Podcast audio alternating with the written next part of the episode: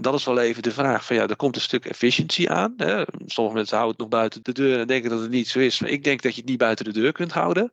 En voor wie is die efficiëntie?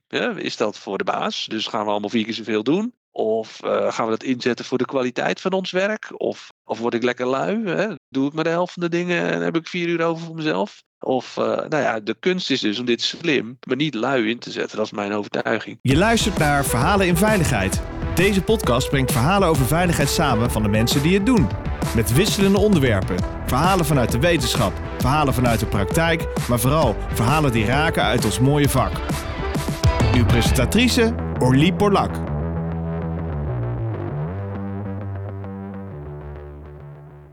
Welkom uh, luisteraars. Het is weer uh, tijd voor een uh, mooie podcast. Ik zit natuurlijk niet alleen in de studio. Ik zit in de studio met Kees Hij heeft een te gek boek geschreven. Productiever met ChatGPT. En ik laat hem even zien. want we maken hier ook een filmpje van. En hij staat ook in de bio strakjes van de podcast. Kees is een trotse vader van drie jonge kinderen en hij is getrouwd met Irene, op wie hij al 15 jaar verliefd is. Ik dacht, dat vind ik een mooie introductie, heeft hij in zijn boek geschreven. Ik denk, neem het gewoon over. Hij is van origine integraal veiligheidskundige en hoger veiligheidskundige. Hij helpt bedrijven om op fundamentele wijze naar hun bedrijfsvoering te kijken. Altijd met de mens voorop. En nu een beetje stiekem met AI in gedachten. Maar goed, daar komen we straks op terug. Daarnaast verzorgt hij diverse trainingen en geeft hij les aan studenten en begeleidt hij scripties. En vandaag gaan we natuurlijk praten over de impact van AI en ChatGPT op eigenlijk veiligheid. Ik vind het hartstikke leuk dat je er bent. Welkom en laten we gewoon uh, lekker beginnen. Dankjewel. Leuk om hier te zijn, Orly. Nou, echt voor de mensen die onder een steen hebben gelegen of denken, waar gaat dit nu weer over? Ik dacht dat het over veiligheid ging. En nu gaat het over iets heel zweverigs. Dus laten we een kleine crash course doen over wat is AI en wat is ChatGPT. Uh, Goed idee, uh, goed idee, Orly. Ja, onder een steen gelegen, dat, uh, dat weet ik niet. Dus, uh, er is het afgelopen jaar, eigenlijk 2023, best wel veel, veel veranderd. En wat je ziet eigenlijk is dat er een soort tekstgenererende AI is gekomen. Even een stapje terug, hè. wat is AI? AI is eigenlijk de, de, techniek waarbij er sprake is van kunstmatige intelligentie. Dat kom je al op allerlei manieren tegen. Vroeger was het vooral science fiction. De robots nemen ons over. Uh, dat was dan het idee. En later zag je toepassingen als bijvoorbeeld de zelfrijdende auto. Of uh, in de landbouw het herkennen van onkruid. En er is een hele lijst met allerlei toepassingen. Uh, in productieprocessen bijvoorbeeld. Maar ja, wat eigenlijk nu veranderd is, is dat met één druk op de knop uh, voor iedereen een stukje kunstmatige intelligentie beschikbaar is, is gekomen. Waar heb je het dan specifiek over? Over dus eigenlijk tekstgenererende AI, waarvan het allerbekendste en allertoegankelijkste voorbeeld op dit moment ChatGPT is. Dat staat voor Generative Pre-trained Transformer. Dus dat betekent het is een, een tekstgenererend iets het is gepre-trained, dat is heel belangrijk om je te beseffen. Dus het is van tevoren getraind met een hele hoop input. Waar dat vroeger een uh, boek of, uh, of 600, uh, zie je dat het nu getraind is met meer dan, dan 30 miljard woorden, om maar eens wat te noemen. Dus het is ontzettend veel, veel input is in dat systeem gestopt. En dat komt er weer uit. En dat is dan dat transformer. Dus het kan die tekst zeg maar ombuigen naar, uh, naar iets nieuws. Nou, hoe werkt het dan in de praktijk? Dus je stelt hem een vraag en hij gaat voorspellen wat op die vraag het allerbeste antwoord is. Mooi. En ja, iedereen denkt van wat moet ik daar nou mee? Ik heb gewoon eigenlijk gewoon een typemachine. Heb ik een typemachine? Een intelligente typemachine? wat moet ik ermee? Ja, wat kan ik ermee? Dat is inderdaad. Hè. Kijk, wat je vaak ziet, je, zit, uh, je, zit op een, je kan niet meer op een congres komen of het gaat erover. Hè. En, uh, en, en de boventoon gaat over machine learning, over uh, big data en dat soort dingen. En op een gegeven moment zit je daar denk je, joh, wat heeft het nou nog met mij te maken? Hè? Wat, gaat dit nou, wat gaat dit nou betekenen? En voor je het weet uh, zegt er iemand van ja, maar dit betekent dat 10 tot 60 procent van de banen onder invloed staat. Die worden misschien wel kleiner. Denk je, maar hoe, hoe werkt dit nu? Wat heeft dit nou direct voor input op mij? En hoe, hoe zou ik dat goed kunnen, kunnen duiden? Nou ja, wat, wat daar bijvoorbeeld een, een manier voor is, is nou, het boek wat ik heb geschreven, heb ik eigenlijk de 15 meest praktische functies gewoon opgeschreven. Wat kun je hier nou mee op een manier dat het je ook echt tijdswinst oplevert? Want dat is het idee. Hè? Je kunt daar, uh, soms kun je er beter werk mee doen, maar je kunt ook jezelf veel tijd, met name administratieve taken en dat soort dingen, uh, besparen. Ja, dus de 15 functies. Ik ben wel benieuwd wie dat dan zijn. Of wat dat dan eigenlijk zijn, moet ik zeggen. Wat, wat kan het? Of waar kan ChatGPT mij gewoon in mijn werk dagdagelijks nou mee helpen en ondersteunen? Ja, nou ja dat, dat, zijn, uh, dat zijn inderdaad. Uh, er is niet een formele lijst. Hè, van, dit zijn de functies. Je ziet dat het veel wordt gebruikt in, in het programmeren ook van computertalen en dat soort dingen. Maar waar het je heel goed bij kan helpen, is bijvoorbeeld bij wat geavanceerdere zoekopdrachten. Dus je kunt, behalve dat je zo wat je normaal in Google intypt, kun je ook echt een conversatie starten. Dus als je zegt van, nou ja, hoe, hoe, wie, wie schreef Jip en Janneke, hè, om even gewoon een, een praktisch voorbeeld te pakken. Dan zie je dat je dus de, de schrijver krijgt en hoe het dan zit. En dan kun je op dat thema gaan voortborduren. En joh, in welke culturele context moet ik dat dan zien? En uh, zijn er ook andere vervolgen opgeschreven? Je ziet dan dat hij dat onderwerp veel holistischer kan benaderen. Hij kan dus echt kijken naar van, nou ja, wat is het antwoord op die vraag? Maar ook binnen welke context uh, kun je dit zien? Je kunt het in het Nederlands doen, maar in elke taal of wat dan ook. Dat is bijvoorbeeld een voorbeeld. Er zitten ook wel wat beperkingen aan. Je ziet bijvoorbeeld dat de informatie in bijvoorbeeld ChatGPT, die is nou ja, tot en met uh, inmiddels uh, januari 22. En dat verandert ook steeds geüpdate. Dus bepaalde actuele ontwikkelingen kent hij ook weer niet. Hij weet niet dat er oorlog is in Oekraïne. Hij weet, uh, weet andere dingen over de Queen, die is er nog gewoon in zijn wereld. En zo zijn er dus dingen die wel achterhaald zijn. Maar aan de andere kant, het holistisch zoeken, echt dat gesprek hebben, dat is een super praktische functie. Hij helpt je heel goed in creatief schrijven. Hè, op het moment dat je uh, zegt van nou ja, ik moet eigenlijk een plan opstellen om een organisatieverandering door te voeren. We hebben wat, uh, wat veiligheidsgedrag op de werkvloer, wat, uh, wat een tikje verbeterd moet worden. Kun je hem heel eenvoudig vragen. Stel stel, een, stel een plan op om bijvoorbeeld dat te verbeteren. Besteed specifiek aandacht aan budget. Bedenk een creatieve campagne. Geef me een voorbeeld van vijf slogans die passen bij een bedrijf dat werkt in de metaalindustrie. En dan gaat ratelen. Ik zeg niet dat je, uh, dat je dat per se allemaal één op één moet overnemen. Sterker nog, ik adviseer je om dat nooit over te nemen. Maar altijd goed na te denken. Maar het geeft je heel veel uh, kick, kickstart energie. Dus het kan je heel erg helpen om gelijk, gelijk in een onderwerp in te duiken. Ja, voor brainstormen of een andere functie die ook heel leuk is in training om te gebruiken. Is een rollenspel. Hè? Zeg dus van nou ja, neem de rol aan van een, uh, van een voorman die eigenlijk geen zin heeft om, uh, om zijn teamprestaties te veranderen. En we hebben het over dit en dit onderwerp. En nou, stel hem een vraag. Nou, dan gaat hij dus in die rol gaat hij, gaat hij van antwoord voorzien. Of voor sollicitatiegesprekken kun je dat doen. Ja, andere wat ik heel leuk vind is ook de onderwijsfunctie. Hè? Nou, onderwijsfunctie, zo, zo, zo heet dat niet officieel, maar je kunt hem rondom tekst en informatie, kun je hem heel eenvoudig vragen. Dit is de tekst die ik heb. Nou ja, stel me eens vijf, uh, vijf vragen op kennisniveau uh, om te checken of ik het heb begrepen. En dan kun je ook gewoon weer doelgroepspecifieke kenmerken meegeven. Dus ik kan zeggen van ja, dat, dat kan natuurlijk ook heel ingewikkeld uitvragen. Dus je kunt ook zeggen, joh, schrijf het op, op Nederlandse B2-niveau, zodat iedereen dat kan begrijpen. Je kunt ook zeggen, met hetzelfde gemak, doe dat in het Bulgaars of doe dat in het Pools. Ja, dat zijn dingen en mogelijkheden die natuurlijk zonder dit soort software heel erg, heel erg ver buiten bereik zitten. Of heel veel tijd en geld kosten. Die kun je nu in je eentje in vijf minuten voor elkaar krijgen. Wat, wat mij opgevallen is met uh, ChatGPT, is dat hij inderdaad heel creatief is. Uh, misschien soms een beetje te creatief. Ik zag het aan een, een werkstuk die ik moest schrijven met mijn kinderen over Anne Frank. En dat ging over een scène in het boek. En, en, dan, en dan moesten we uitschrijven of dat moesten we verlengen. En ik vroeg om die scène op te halen, zodat je hem dan later kan bewerken. En op een gegeven moment denk ik, wat is dat toch goed geschreven? Ik kan me niet herinneren dat dat dagboek zo goed geschreven was. Dus ik pak een dagboek erbij. Ik, ik zoek die pagina op. Ik had toevallig en het boek en het stripboek. Ik denk, ik kan de hele passage kan ik helemaal niet vinden. Dus ik vraag hem aan hem, um, is dit een passage uit het boek? Of heb je dit nou zo te plekke zelf verzonnen? ja, zegt hij, ik heb het zelf verzonnen. Maar ik dacht in het licht van, dacht ik, ja, je bent heel goed in schrijven. Je bent echt super creatief. Maar het is natuurlijk wel echt heel belangrijk dat je beseft dat je nog wel steeds een factcheck moet doen. Omdat hij dus zo overtuigend en creatief kan schrijven, dat je echt denkt, ja, dit had er best wel in kunnen staan. Dit, dit past er ook echt precies in. Dus dat herken ik ja, wel, dat hele zeker. creatieve. Leuk. En in je boek stond ook bijvoorbeeld, een van de dingen die ik zelf wel handig vind, is dat um, samenvatten en vergelijken. Dus als je heel veel documenten moet lezen, dus je krijgt echt dikke rapporten, en mensen sturen mij wel eens een rapport op van 25 pagina's. En dan moet je dan op reageren.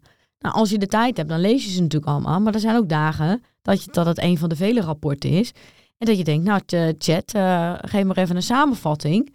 En geef mij eens aan wat jij vindt dat, dat uh, eruit springt in dit rapport. Dat zijn natuurlijk wel echt hele handige functies.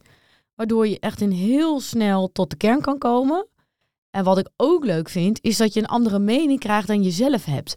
Dus als je zelf een tekst leest, dan haal je er zelf bepaalde dingen uit. En dan kan je chat uh, GPT vragen wat zijn mening is. En dat vind, dan kan je dus eigenlijk jouw bril, die ook altijd biased is, want we zijn natuurlijk allemaal mensen, vergelijken met iets als, ja, geen mensen. AI is eigenlijk gewoon programmatuur, dus misschien de verzameling van mensen. Ik weet niet hoe we dat moeten, moeten zien. Van wat zij daar dan van vinden. Nee, dat is zeker waar. Hè. Het, is, het, is, ja, het, is, het is geen mens. Het is soort een beetje de geaccumuleerde kennis, zeg maar, die we als mensheid ongeveer tot nu toe hebben, hebben opgebracht. En ja, je kunt hem dus inderdaad vanuit die hoek laten kijken. Je kunt hem ook heel specifiek gewoon tegenlezen. Hè. Lees kritisch. Kijk naar leesbaarheid. Kijk naar schrijfstijl. Uh, bekijk dit door de ogen van een, uh, van een, uh, van een productieleider in een fabriek. Hè, in die veiligheidscontext. Die, kijk, die ziet natuurlijk iets heel anders in een, in een tekst of een plan. dan dat jij met je veiligheidskundige blik bijvoorbeeld ziet. Hè. Dat is echt een, een hele andere invalshoek. En daarmee ja, kun je al best wel snel een stap zetten. Gewoon om je in te leven in, in anderen, zeg maar ja, je moet, je moet er wel mee uitkijken. Want dat is ook, er zitten ook, ook nadelen aan natuurlijk. Eén, als je iets laat samenvatten. Ja, kijk, daar worden keuzes gemaakt, zeg maar. Die je misschien achteraf denkt, ja, je hebt het niet helemaal gelezen. En je kunt ook niet voor jezelf 100% zeggen van nou, dit zijn de juiste punten. En ja, wat ook iets is, het is uh, pre-trained software. Hè? Dus aan de ene kant, het is ook machine learning. Dus ga ik even uitleggen wat dat is. Hè? Dat betekent dus dat de input en de interface van gebruikers, dus wat jij erin typt, beïnvloedt ook weer wat er in de toekomst uit dat systeem gaat komen. Dus de vraag is even, je uploadt een rapport. Mag je dat rapport eigenlijk wel delen? Staan daar misschien gegevens in van mensen die je net zo lief uh, niet deelt, of waarvan die mensen dat niet willen, dat dat in een, uh, in een AI wordt, uh, wordt gestopt? Natuurlijk, op het moment dat je wat erin stopt, dan geef je het voor een deel ook uit handen. En daar hebben ook heel veel bedrijven nog niet goed over nagedacht wat ze daarmee willen, wat ze wel doen en wat ze niet doen. Ja, mooi. En nou, wij zijn natuurlijk druk met veiligheid. Het heet natuurlijk niet voor niks een podcast verhalen in veiligheid. Ik heb wel wat ideeën over, over de toekomst van AI. En die wil ik even tegen je aanhouden. En dan uh, hoor ik natuurlijk graag uh, jouw reactie erop, wat jouw ideeën zijn. Want wat gaat Leuk, ons dit vakgebied helpen? Je hebt heel vaak dat je uh, incidentonderzoeken hebt. En als je die gaat analyseren met mensen, dan komt er heel veel emotie bij kijken. En er is, het levert ook heel veel data op. Dus als jij in een, een organisatie wel duizend kleine incidentjes hebt, dan is dat extreem lastig om al die data te gaan verwerken. En ik bedoel verwerken voor het luisteraar is categoriseren of er overlap zit, of er trends in zitten, of, uh, of er dingen uitspringen die overal uitspringen. Je wil eigenlijk sturen op iets wat niet eenmalig voorkomt, maar je wil sturen op iets wat ja, repeterend uh, voorkomt. Ik denk dat de toekomst van AI is, is dat je eigenlijk voor heel Nederland een database gaat ontwikkelen. Want je hoort wel, bouwbedrijven die willen heel graag een generieke meldapp. Dat is iets wat uh, volgens mij de governance code ook heel erg aan, aan het pushen is in de markt. Daar heb je volgens mij pas wat aan als je een, een programma als een AI, hè, dus daar overheen loslaat en zegt: Vertel mij wat je ziet. Wat valt jou nou op aan deze hele bak aan, aan data? Als jij het voor het zeggen had, waar zou je op sturen? Uh, wat zijn trends? Uh, wat zijn opvallende gebeurtenissen? Ik denk dat dat veiligheid heel erg gaat helpen. Maar ik ben benieuwd welke toepassingen jij ziet. Ja, ik vind dit een mooi, een mooi voorbeeld van waar het, uh, waar het zeker kan, kan helpen vooropgesteld natuurlijk, de kwaliteit van wat je erin stopt gaat heel erg bepalen van wat de kwaliteit is van wat je eruit stopt, wat je eruit haalt, sorry. En ja, kijk, die meta-analyses en dat soort dingen, die rekenkracht van joh, beoordeel uh, eh, 10.000 documenten en kom met een trend. Ja, dat is, dat is, voor mensen is dat monnikenwerk en voor, uh, nou ja, voor, voor een AI is dat, is, dat, is dat twee of drie minuten. Dat is echt verbazingwekkend. Als je dat voor het eerst ziet, zeg maar, hoe snel dat soort dingen gegenereerd kunnen worden, dan voel je wel aan, nou, oké, dit gebied zijn wij niet gelijkwaardig, zeg maar, met, eh, met dat systeem. Ja, waar je, uh, waar je natuurlijk wel goed naar moet kijken is van, van, heb je met z'n allen hier draagvlak voor? En heb je met z'n allen, kijk, dat is de eerste stap. Hè, van, van kunnen we met z'n allen zeggen van wij willen op deze manier gaan werken? En uh, wat is dan de rapportagestandaard om dat in te doen? En hoe kun je dat dan op een goede manier naar, ja, naar branchespecifieke verbeterpunten krijgen? Dus op zich is het heel goed. Je zult wel gewoon in het veld je, je akkoord moeten hebben van zo gaan we dat doen. En dit zijn de punten die we eruit kunnen halen. Ja, andere toepassingen die je zomaar kunt zien is inderdaad van, en daar komen we nu al heel erg tegen, het, het is er. Dus je ziet dat mensen gaan het gebruiken. Hè? Uh, ik, ik, gaf laatst een lezing erover en een van de vragen die, die ik dan vaak stel is, wie gebruikt het hier? de meeste zalen gaat het meer dan de helft van de handen omhoog en soms wel bijna allemaal. Dan stel ik vaak de volgende vraag van hé hey, luister, uh, wie uh, heeft dat met zijn werkaccount aangemaakt? Dan moet je opletten. Dan zie je dus dat heel vaak zeggen nee ja dat heb ik privé gedaan. Dus waar, waarom is dat? Ja, ja, ja, dan zie je eigenlijk dat er toch vaak in organisaties een stuk onduidelijkheid zit. Van wat, wat moeten we hier nou mee en uh, uh, hoe, gaan we dat nou doen? Je ziet hele grote organisaties die blokkeren het bijvoorbeeld ook in één keer vanaf de service. Nou, dat gebruiken we niet, dat vinden we nog eng en spannend, dat doen we niet. Zelfs in die organisaties zie je dat mensen op de achtergrond uh, op hun privé laptop toch maar even dat ene marketingplan of wat dan ook schrijven. Hè? Je ziet, er is best wel een, een groot ongereguleerd gebruik. En volgens mij zit daar best wel een groot risico in. Want je zult eigenlijk als bedrijf moeten gaan afspreken van wat vinden wij nou oké en wat niet. Welke gegevens mag je er nooit in stoppen? Bijvoorbeeld, we hebben het over ongevallen. Slachtoffergegevens, nooit. Sowieso moet je dan mee uitkijken met ongevalsrapportage. Maar er zijn heel veel gegevens die je eigenlijk niet uit handen moet willen geven. Dus je moet als bedrijf goed gaan nadenken van waar, uh, waar wil, je, wil je aan gaan voldoen. Wat, zijn, uh, wat is de manier om je kennis uh, up-to-date te houden? Hè? Want ik bedoel, ik schrijf er een boek over, maar als je een bron vindt van 2,5 jaar geleden, stop maar met lezen. Hè? Er is zoveel gebeurd de afgelopen uh, jaren. Je, je moet heel erg goed opletten als bedrijf, ook hoe blijf je actueel. Dat zijn best wel hele, hele interessante casussen waar bedrijven echt nog moeten gaan, gaan groeien om dat goed te gebruiken. Maar op het moment dat je dus als bedrijf afspreekt van dit zijn bepaalde prompts. Prompts is het woordje wat gebruikt wordt als de opdrachtjes die je geeft aan het systeem. Hij zegt van dit zijn onze toegestaande prompts voor bijvoorbeeld het genereren van TRA's, het dit, het dat, het zus, het zo. Nou, dan kun je daar best een hele hoop, uh, een hele hoop voordeel en tijdwinst uithalen. Vooropgesteld dat je als mens altijd die finale check doet. Want anders dan, ja, dan lever je je over aan het systeem. Ja, en ik denk dat, dat je na moet denken over welke waarde geef je het AI mee. Daar bedoel ik mee, dus dat als, als hij alles baseert op wat wij erin stoppen dan zul je mensen hebben die besluitvorming nemen, wat het AI ook overneemt, op bepaalde ja, uh, belangen, prioriteiten, waarden gedreven. Dus als je dit als bedrijf wil gaan gebruiken, wil je eigenlijk de AI eigenlijk naar jouw hand zetten. Dus je zou het liefste willen dat het AI adviezen geeft, teksten geeft, uh, correcties geeft, die in het licht staan van jouw corporate values. En ik denk dat dat is ook een next step.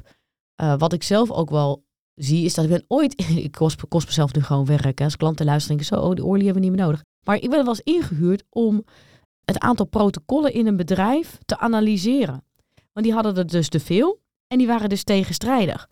Dus dan had je bijvoorbeeld uh, heel veel protocollen nodig om uh, tot een werkvergunning te komen. Dan moest je er misschien wel uh, zes lezen en elk protocol was 80 pagina's. En dat leverde dan uiteindelijk de randvoorwaarden voor een, een werkvergunning op. Nou, eigenlijk kan je tegen AI zeggen: dit zijn de 120 procedures en protocollen die we hebben. Laat mij weten welke protocollen en procedures met elkaar in strijd zijn, die dus een tegenstrijdig advies geven. Zo kun je dus ook door je protocollen heen. En je kan ze misschien ook wel flink inkorten met AI.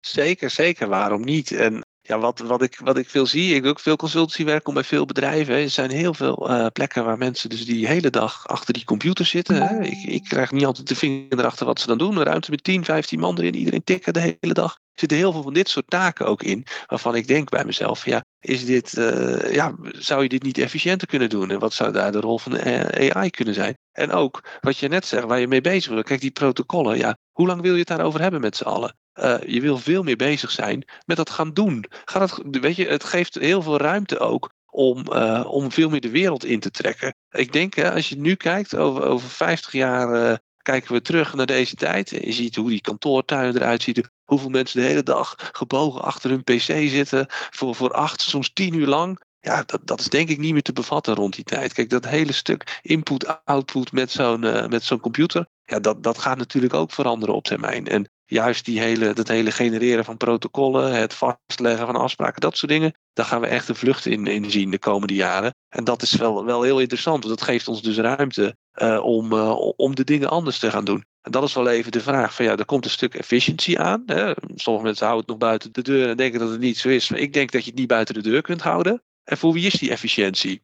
Is dat voor de baas? Dus gaan we allemaal vier keer zoveel doen? Of uh, gaan we dat inzetten voor de kwaliteit van ons werk? Of word ik lekker lui? Hè? Doe, ik, doe ik maar de helft van de dingen en heb ik vier uur over voor mezelf? Of, uh, nou ja, de kunst is dus om dit slim, maar niet lui in te zetten. Dat is mijn overtuiging. Het gaat best wel voor een productiviteitsboost zorgen. En dat is misschien die 10 tot 60 procent van de banen die onder, uh, onder druk staat hè, op termijn. Aan de andere kant, als je, en dan hebben we het even over een sector als bijvoorbeeld de zorg, welke administratieve verplichtingen er allemaal zijn. Ja, juist het werk waar het om gaat, dat blijft bestaan. En het werk wat misschien toch ook vaak als, als administratief voelt, daar kunnen we heel erg grote slagen in gaan maken. En dat is, dat is het toffe aan deze ontwikkeling. Ik zeg niet dat er geen downsides zijn, ik heb er ook al een aantal benoemd. Maar ja, uh, ik denk dat we met z'n allen iets heel moois van kunnen maken als we goed opletten en goed nadenken.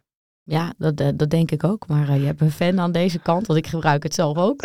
En ja, het is, het is een manier om heel snel heel veel data te verwerken.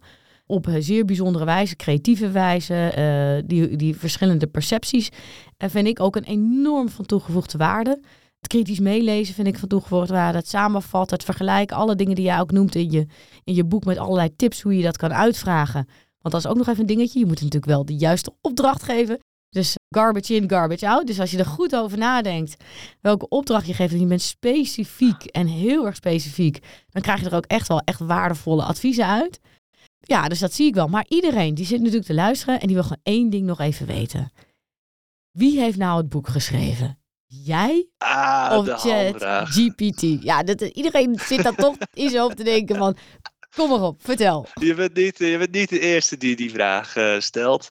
Nou ja, ik, ik heb een aantal passages erin gezet. Ik heb een alternatief voorwoord laten schrijven. Van, joh, dit is mijn opdracht. Hoe zou jij het voorwoord schrijven? Ik heb het gewoon heel transparant gemaakt. En uh, ik heb ook laten zien van, nou, dit stop ik erin. Dat komt er dan uit. Maar uiteindelijk, hè, en dat is ook denk ik de les die we met z'n allen moeten leren de echte, de echte creativiteit zit in mensen. Want het is uiteindelijk niet meer dan een papegaai. Het herhaalt alles wat er al gezegd is. Het komt ook niet met nieuwe ideeën. En ja, dingen op een, uh, op een andere manier opschrijven, op je eigen manier opschrijven. Ja, dat, dat moet je ook zelf doen. Je kunt niet uh, je eigen verhaal door iemand anders laten vertellen. Dus ook niet door een AI. Mooi. Dan wil ik jou hartelijk danken voor uh, deze leuke podcast. En deze podcast is misschien leuk voor de luisteraar om te weten. Hoe is een filmpje wat ondertiteld wordt door AI. Dus als er foutjes in zitten, it wasn't us.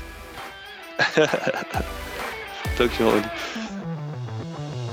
Je luisterde naar Verhalen in Veiligheid. Wil je niks missen van deze podcast? Abonneer je dan op deze podcast in je favoriete podcastplatform. Of laat een recensie achter via Apple Podcast.